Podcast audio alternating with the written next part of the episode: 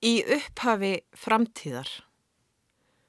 Loftið er undarlega stilt þegar það stíg út úr bílnum, alltaf því þrúandi.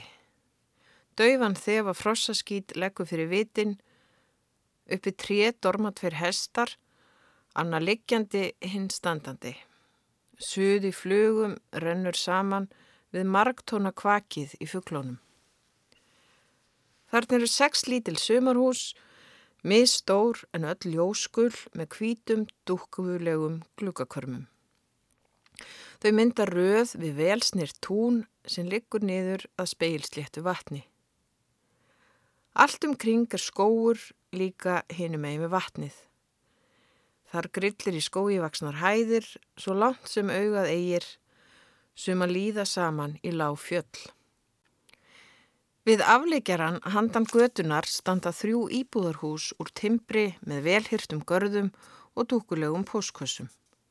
Eitt djúb vinnraugt með kvítu þaki, hinn kvít með djúb vinnrauðum þökum. Rúna horfir kótroskin á þau þegar hún segir að sér hafi nú verið sagt að þessi svíjar hafi svo mikinn tíma til að vinna í gardinum að því að þeir séu alltaf bara á atvinnuleysisbótum. Eitthvað í málrómnum minnir eigu á garran sem hefði kurrað af ánægu yfir alhamingagliðinni. Kanski er það vestfyrski húmórin, kannski eitthvað annað. Simringing grýfur kyrðina, eigu bregður. Hún á erfitt með að vennjast þessum skrítna síma sem hangir í belti rúnu og minnir á skambisu þegar hann dritar út úr sér hringingum eins og skotum. Sama þótt hún hafi stundum séð fólk með farsíma flesta þó starri og ólíkt klunalegri. Hinn dularfulli og að því verðist ósýnilegi eigimaður rúnu vinnur í tæknibransanum. Líklega er það ástæðan fyrir því að hún veður upp að njám í nýmóðins tækjum. Nefna þá að tveir græju idiotar hafi felt hugi saman. Það er erfitt að segja hvað þá í þessum skjelvilega hita. Hún er hér, hvar annar staðar, gellur í rúnu svo hátt að strákarnir rökkva upp með andfælum og líta spenntur út um gluggan eins og kaninur með spert eirun. Eija finnur hjart að herpast þegar rúna bæti við að það sé hæstamáta skrítið að eiginkonan sé valla lent þegar það sé byrjið að ringja millilandasímtöl. Já, honum sé guð velkomið að kalla hana hundleðilega kettlingar álku, henni sé svoleiðs nákvæmlega sama hérna megin sólarinnar að njóta lífsins, í þann mund að brjóta klaka og hræra bakkardi í kók, sem sé meira en megi segja um suma lagsta upp á aldraðar mæður sínar. Nú en ekki hvað. Mátturinn fjarar úr fótum eigu. Nýjen grútmáttlaus þegar hún lítur niður á trepall og horfur byðjandi á rúnu sem er svo lungin að tala við garran að ætla mætti að hún læsi hugsanir hans. Nei, hún má ekkert vera að því að tala við þig, lígur rúna, svo eiga hendist upp á bröðfætuna og reynir að grýpa síman af henni. En svo í símanum er ólíkt þjálfaður í íþróttamanniska, þrátt fyrir hálsbrótið og fyrir létt með að halda samtalinu áfram. Hvernig í óskupunum eigi hún að vita af hverju? Ætli eigi að sé ekki bara orðin döðleið á vesuninu í honum. Hvaða kona yrði það ekki eftir að hafa neðst til að taka viðtal við einhverja undirliggjandi nektardansmei til að borga handrukkara að því að eigimadurinn er of mikill auðnuleysingi til að borga skuldina sínar. Hvað eigi að sé að segja henni? Nú, barast það allt saman. Hvað annað? Í þessum orðum töluðum nær eigi að símanum af henni Eða það sem verist öllu sennilegra, Rúna nennir ekki lengur að rýfast við kallfösk upp á Íslandi og sleppir takinu. Eyju tekst að rópa hæ áður en hún þagnar við klökka röttina sem berst alla leið og nýstingsköldu solrókinu í Keflavík og segist sakninar svo mikið. Auðvitað kemur hún ekki aftur, hann er ekki fíbl, snögtur hann svo hann að verkjar í allan líkamann. Og nú Nú sé ekkert eftir fyrir hann nema þá, hvað? Deyja. Nei, ekki deyja. Gerðu það. Ég, þú, við, nei, ekki, ekki deyja. Eigi svitnar svo örst að gullrótakremið vætlar í appelsínu gullum rákum niður á handarbökin. Það er ekki nokkur heilvita maður að fara að deyja hérna, skrækir þá skíðadrottningin og rýfur síman af henni með þeim orðum að stundum séu þessar askotans tekniníungar einskis nýtar, bara til ekki sem vandraði út í eitt, en það vant ekki helvítis vittlusuna alltaf hreint. Hún dritar út úr sér skömmunum með eindæmum kjarnir þrátt fyrir lesblinduna, líkt og nokkrir aðrir vestfiskir vinir eigu sem eru líka með lesblindu, en furðu beinskettir í orði og æði, líkt og það sé meiri músík í blóðun á þeim en öðrum, hugsa hún, Mörgum árum síðar þegar skáldin verða orðin spör á skáldlegar alhæfingar á borð við þessar af óta við að bækurnar þeirra verði stimplaðar rasískar. Þá stötti öðrum veruleika hinum megin við aldarmótin. En eins og sakir standa er hún strand í þessum. Í túnfætunum við sænska autobanan með konu sem vílar ekki fyrir sér að skella á mann í sjálfsvíks hugleðingum. Sko, segir Rúna Sigri Rósandi um leiðu hún treður eiginmanni eigu ofan í kvenveskið. Nú held ég sér ráð að fá sér kvítvinsklass. Það vil lítið upp á sig að þrá byggjum síman með grátin í kverkonum. Skíðadrottningin situr fast við sinn keip. Þið hafið bæði gott af cold turkey, þú ekki síður en hann. Ögnabliki síðar eru þar sestar með ljósbláa kælutösku við stilt vatnið og horfa á strákarna drösla farangrinum inn í hús, líka sumarhúsið sem eigi á að fá út af fyrir sig. Rúna fiskar kalda kvítinsflösku og kíló að jarðaberjum upp á töskunni.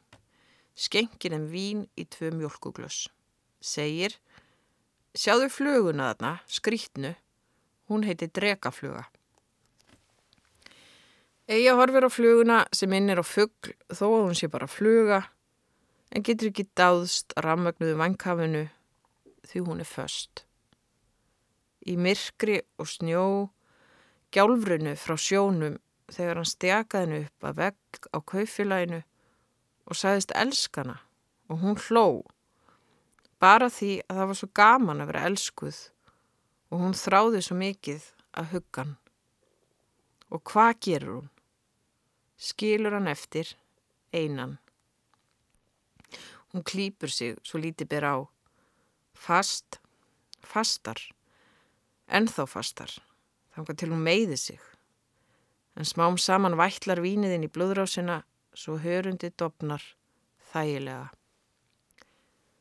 Falleg þessi dregafluga, hugsa hún og finnur eftirmiddagssólina gæla við andlitið líka veðrað andlit rúnu. Það slakar á því þegar hún brosir verðarlega. Þessi öra kona er skindilega kyrðin uppmáluð. Hún horfir vitringsauðum yfir vatnið, tegir sig í jarðaber og sígur úr því safan. Dýfir berum tánum ofan í vatnið, líður út í það eins og selur. Stundu síðar er eiga komin ofin í vatnið með heiminin í augunum, fljótandi í óendanlega stóru baði og hún flýtur inn í draum sinn, skói vaksna víðáttu, þar sem úlvar spángóla og vatnasnákar yða á milli slímugra steina. Þegar hún vaknar er komin nýr dagur. Fyrsta stig andlegrar og líkamlegrar endurhæfingar að vakna.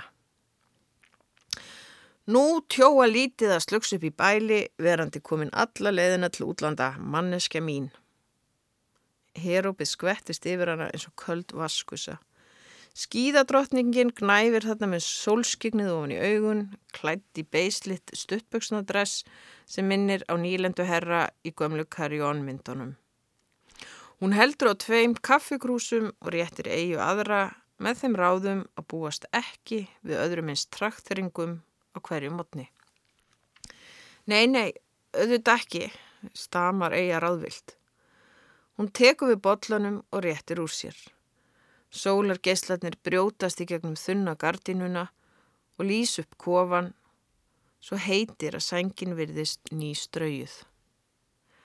Ángan af sóðunum viði fyllir vitin, þarna er allt úr tre, kójurnar, borðið, dótaleg eldhúsinnretningin, allt nema klósettið, sturtan og lítill ískapur. Ekki ósepa því að búa í íkornahólu. Á borðinu leggur kassi með sjö bitofundiskum sem hún keipti á tilbóði í stórmarkaði á leiðinni. The Beethoven Collection. Ofan á kassanum leggur samanbrotin bómullakjól með speklablómum sem rúna manaðana til að kaupa leiðinni þó að hann væri í þrengsta lægi og við hliðin á honum er, er tvær kvítinsflöskur úr fríhöfninni en ekkert salgæti nema eitt tyggjókartón. Í ískapnum er kvítlöksostur og kaffipakki, í hillinni kassi með rökkbröði. Hún nýtur þess að ráða sér sjálf. Eitt augnablík. Jæja, túnið slær sér ekki sjálft. Ha, strákarnir fundu þessa fínu sláttu vel. Við dætti hugum við getum skemmt okkur við að slá túnið í dag. En það er allt í læg með túnið, andmalir eiga. Það virtist nýst leið alveg svo burstaklipping þegar við gengum yfir í gerðkvöldi. Sjó, svo, blæs Rúna, skindilega heyrnalus. Þá döður langar að prófa vélina. Skelti þér í sund og konti svo út að slá. Eigast þar er skilningsvana á hana sem klikkir út með því að það sé ekki til betra ráð við ástarsorg en hamast undir beru lofti. Ég er ekki ástarsorg, ekki þannig, hyggstar eiga, og sípur á kaffinu en svelgist jafnóðum á því þegar Rúna fullir þér að hún sjálf viti manna minnst um hvar hjá hana. Það rættu nú að vita það, móðurlegurinn hennar, að það sé á kristaltæru að hún veit ekki bofs í sinn haus. Það sé nú eftir allt saman ástæðan fyrir því að hún sé komin allalegina til munkvísjum. Svo henni sé hotlast að slá grasið með þeim. En ég ætlaði að skrifa, útmælir eiga, það var dillin. Þú mannst, fyrst átti ég að skrifa og svo rúna bandar orðunum frá sér. Hún þarf ekki að láta segja sér eitt í neitt um dílingar og výlingar. Ef einhver kann að díla þá er það hún sjálf rúna Sigurgrímsdóttir. Já, en við díluðum og þú sagður ég mætti skrifa ef þú hefur nógan tíma til að skrifa, blæs rúna um leið og hún lítur erðarlaus út um glukkan. Dagurinn er rétt að byrja klukkan ekki nema hálf átta. Egi svelgist aftur á kaffinu. Hún sem vaknar aldrei fyrir í fyrsta leið upp úr 11 nema nöðbeð í fristuhúsið en það hætt hún þar til að vinna á næturvöktum, sérfræðingur í að laga sig að síðdegis og næturvöktum. Hvaða brjálaði er þetta? En hinn eigir ekki meira brjálaði en svo að hún geispar og segir Það getur ekki verið annað en holdt fyrir skrifandi fólk að koma blóður á sinni í gang, ég trú ekki öðru, en að það þurfa að vera lámarksgangur í velinni svo stjórnstöðin taki við sér. En ég, ég freka vönguð eftir allt kvítvinnið í gær, segir Eija, sannleikanum samkvæmt. Sannleikurinn hefur þó ekki meiri áhrif en svo að Rúna rekur upp blaðskellandi hlátur og spyr hvernig svona drikkju rútur eins og garrin hafi nefnt að hanga með öðrum eins hænu haus. Hann þurfti líka að sofa eins og ég, missir eiga út af sér, svo hláturinn í rúnu fer á raunguna. Hún hristist af innbyggðlitri kæti um stund áður en hún þerrar augun og segir Elskan mín, Lexia 1, þú getur ekkert. Korki skrifað nýja sigrast á ólundinni fyrir þú lærir að vakna á mótnana. Hún býður ekki eftir viðbröðum eigu við eldhúsbygginni heldur segir henni blessaður að helli sig kaffinu og drífa sig út í daginn. Í flugulandi. Kortir í síðar dýfur hún tánum og hann í stöðuvatnið. Það er kaldarinn í gerkveldi, töluvert. Í þokkabót vandar kvítvínið til að verja hana fyrir vatnasnákum. Morgun byrtan lýsir upp dregaflugurnar svo þar líkjast agnarsmáum risaðlum. Úti á vatninu dólar finsk fjölskylda á vélknúnum gummibát. Hún heyrir óma framandi tungumálinu í bland við gjam í kjöldurakka þegar þau stöðva bátinn. Óp þegar þau, Fullarinn kona, þrjú kaffibrún börn og ílfrandi rakkin henda sér fyrir borð meðan vígalegur kallmaður slæst við ósynlegan óvinn. Af viðbröðunum að dæma lendist geitunga þing ofan í morgunverðarkörfinni. Hvar er hún? Í flugulandi. Agnarsmátt mý leitar upp í munnin og nasinnar. Moskidóið suðar. Geitungarnir ringsóla í kringum hausin áni. Bíflugurnar suða við blómanappa sem verða afhausaðir með sláttuvél eftir smá stund. Hún stýgur úti til vatnasnákana. Lignir aftur augunum, stýgur annað skref. Skvettir vatni framann í andlitið. Dýfir sér hratt ofan í til að venjast kuldanum. Skrækir þegar hún skýst upp aftur. Glaðvöknuð. Og allt býður hennar. Miklu meira en hún getur gert sér hugarlund. Ætlar að slóra þannig allan dag, æpir skíðadrottningin, svo hátt að kjöldurrakkin gemmar vitstóla á hundasundi og finska móðurinn lítur yllu augu á staðahaldaran um leið og fjölskyldan prílar aftur um borð í bátinn. Kallirinn hendir körfinu út á vatnið þar sem hún flýtur líkt og draugaskip. Rúna hvaðast hafa vaknað upp úr sex, búin að skella sér tvísvar í sánu í viðarhjallinum og þrísvar út í vatnið áður en hún fekk sér rökkbröð með úrvali af sænskum ostum og þrjá rótsterka kaffipotla. Morgumaturinn býður enþá á borðinu þó að Eija hafi séð fyrir sér að hún myndi borða sitt eigið rökkbröð og hell upp á kaffi sitt í sumarhúsinu sínu. Allt stefnir í að verða öðruvísi en hún ætlaði. Hún syndir með öran hjartslátt á grinningunum, hætti sér ekki út af prammanum Þá getur hún fengið gummibát með finskri fjölskyldu í hausin. Brátt skrönglast hún á land og þerrar hárið í sólinni. Húðin þotnar þegar hún röldur að sumarhúsi rúnu, gætin, svo hún stýji ekki ofan á bíflugu. Hús rúnu minnir hana á aðsutur flugnadrottningar, ólíkt stærra en húsin sem eru leigð út Af útivistadótuna dæma lítur út fyrir að finska fjölskyldan búi í húsinu úti á jæðrinum. Hún velti fyrir sér hvernig þau komist öll fyrir. Þau hljóta að vera samrýmt því eldri bötun tvö eru nánast á unglingsaldri.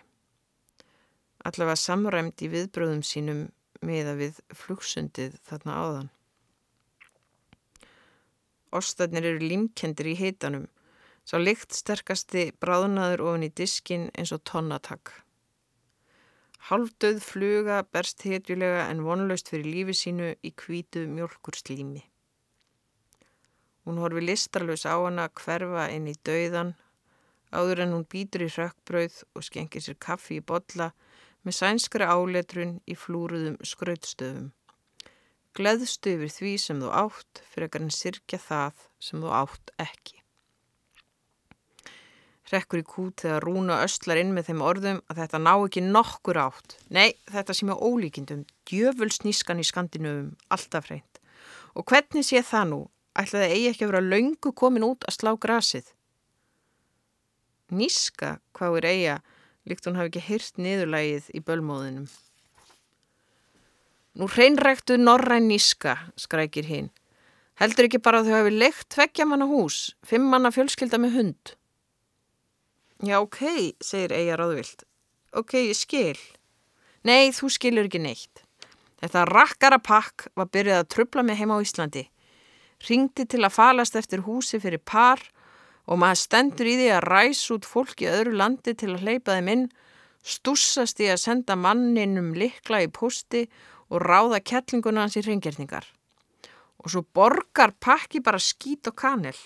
Búið að skít út rúmfött og hanglaði fyrir fimm manns fyrir nú utan að eyða vatni og sápa á við heilan herr og allt barast á kvolvi. Skal ekki halda að ég láti bjóðu mér svona lagað. Nei, auðvitað ekki. Hættu þessu tafsi. Þú hljómar eins og heila dött gamalmenni. Svona, ég þarf að finna út úr þessu. Skottastu út að slá grasið. Hakan á rúnu tifar svo að hún minnir eigu á spætu nokkuð sem væri skondið í sjálfu sér ef æsingurinn væri ekki svo mikill að svitin þyrlast niður andlitið á henni. Kanski eftirkvast eftir sánuna, kanski fyrirbóði um hjarta áfall. Í augnablíkinu er ráðlegast að forða sér út í flugnagerið. Myndu að bera á því gulrútakremið og líka moskitovörnina. Ég lofaði mömmuðinni að þú myndi gera það. Orðin skell á nakkanum þegar hún hleypur út. Annarsteg endurhæfingar að duga eða drepast. Hún hafði ætlað sér að vakna út sofin í nýja lífinu sem rítvöndur. Manneskja sem þarf ekki að afsaka fyrir einum nýjan einum þó hún hefji dægin með skriftum. Þess í stað sikksakkur hún á milli suðandi bíflugna á sláttuvél í steikjandi solskinni. Grútsifjuð en um leið full orku sem hún hefur ekki fundið fyrir lengi þó að það hafi tekið á að komast yfir meðferð rúnu á garranum þegar hann ringdi. Vonandi kemst hún í síman í dag. Hún anda byrtuna að sér og hefur óttan við að skera af sér tætnar meðan tveir smástrákar hoppa upp og niður af samliðan í hvert skipti sem henni mistekst að sveia fram hjá bíflugu. Háfaðin í vélinni bjargarinni frá því að heyra orðaskil þegar þarna niðri við bryggjuna, rúnu og finsku fjölskyldunar. Egi rétt svo greinir óminn. Rúna geltir hástöfum og bjagaður í skandinavísku en orðin renna saman við hávert gemmið í kjöldurökkanum þegar hún hendist fram hjá þeim á trillitækinu. Sama tungumál og Rúna talaði gær á flúvellinum reikin að því að hafa lært reybrennandi sænsku á einni kvöldstund eða svo í jólabóði á austurísku skíðahóteli fyrir nokkrum árum. Yngstabatnið var að gráta þegar heimilisfæðurinn rýfur blöytt seglavesk upp úr rasvasanum og stuppbuksunum svo ólundalegur að sjá að hundurinn urrar hræðslulega á rúnu.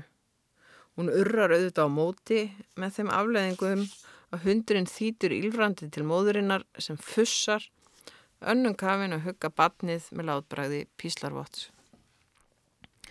Rúna er algjörlega ónæm fyrir leikarskap. Hún laumar seðlabúndinu ofan í aðra skálina á bíkinni brjóstahaldaranum og brosir fram henni í sólina þegar hún veifar vinnumönnunum sínum. Sigri hrósandi ryggsar hún síðan að mínibúsinum og hrópar til þeirra og hún ætla að skjótast í bankan að skila af sér undirskrift. Það ríkur aftan úr bílnum á leiðinni niður tröðina. Stundakott myndast yfir þyrmandi tóm. Eina lífsmarkið snarkið í hitanum. Nokkra sekundur þyrlast út í bláin, aður en strákarnir sperrast upp og þjóta tilnar, sárþjóðir af eftirvendingu að fá að prófa sláttuvíluna. Hún horfist í augu við þá, byður það um að fara varlega, en býður ekki eftir staðfestingu, áður en hún spænir upp á sumarhúsinu, hendist inn í svalan og skimar eftir heimasíma. Þarna uppi á hliðinni á eldúsinnréttingunni. Hún grýpu tólið ringir 00354 það ringir Já, segir Rám frökar döði blísleg rött Þetta er ég. Það lipnar yfir röttinni Nú, bara þú? Hva, bara farin að ringi fólku um miðan nætur? Það fíkur snökkast í hana. Það er ábygglega að koma í morgun hjá þér að þú tekur rúmteppi frá klukkanum rámur hlátur hinnum einn línunar. Síðan segir Röttin, já, já, góða, og hvað er að frétta af boldangskvennmanninum sem sjanghæði þig þarna til hvaða nú heitir? Hún kannast við þig, segir hún, hún bjóða þarna sem þú bjóst þegar það snörlar í garranum þegar hann segir, þar var nú vallað þverfótandi fyrir vittlesingum. Þú lítur af að séðana. Hvernig ámar að greina einn vittlesingin frá öðrum? Þögn. Er það þetta sem þú vilt? Búa með einhverju snældu vittlusuru kettlingu í svíþjóð á öllum stöðum? Ég er bara í fríi. Heh, ég menn ég gerir díl til að geta skrifað. Fyrst Þorbergur gæti skrifa á klakanum, ætti þú að geta það. Já, þannig lagað, en þú ert nú meiri vittlusingurinn. Já, en... Ég sakna þín. Ég veit. Í gerðkvöldi sá ég ekki út úr þessu. Ég vildi bara deyja. Vistu hvernig það er, Eija? Já. Nei. Þú getur ekki vitað það. Nei, þú ert bara stelpukrakki. Vissuru það? Já. En veistu að ég get ekki lifa nema með þér? Skilur það? Já. Hvenar ætlar að koma aftur? Fljótt? Þú lígur því. Bara eftir nokkra vikur. Þú segir það. Ég meina það og fyrir gefðu. Hvað? Að hún skildi láta á svona gær, skella á þig og allt það. Heh, eins og mér sé ekki sama um rassaköstin í einhverju kellingu. Var þér sama? Ég saknaði þín. Hvað heldur eiginlega? Ástinn. Ég þarf að fara. Hvað er kellingin að koma? Bless.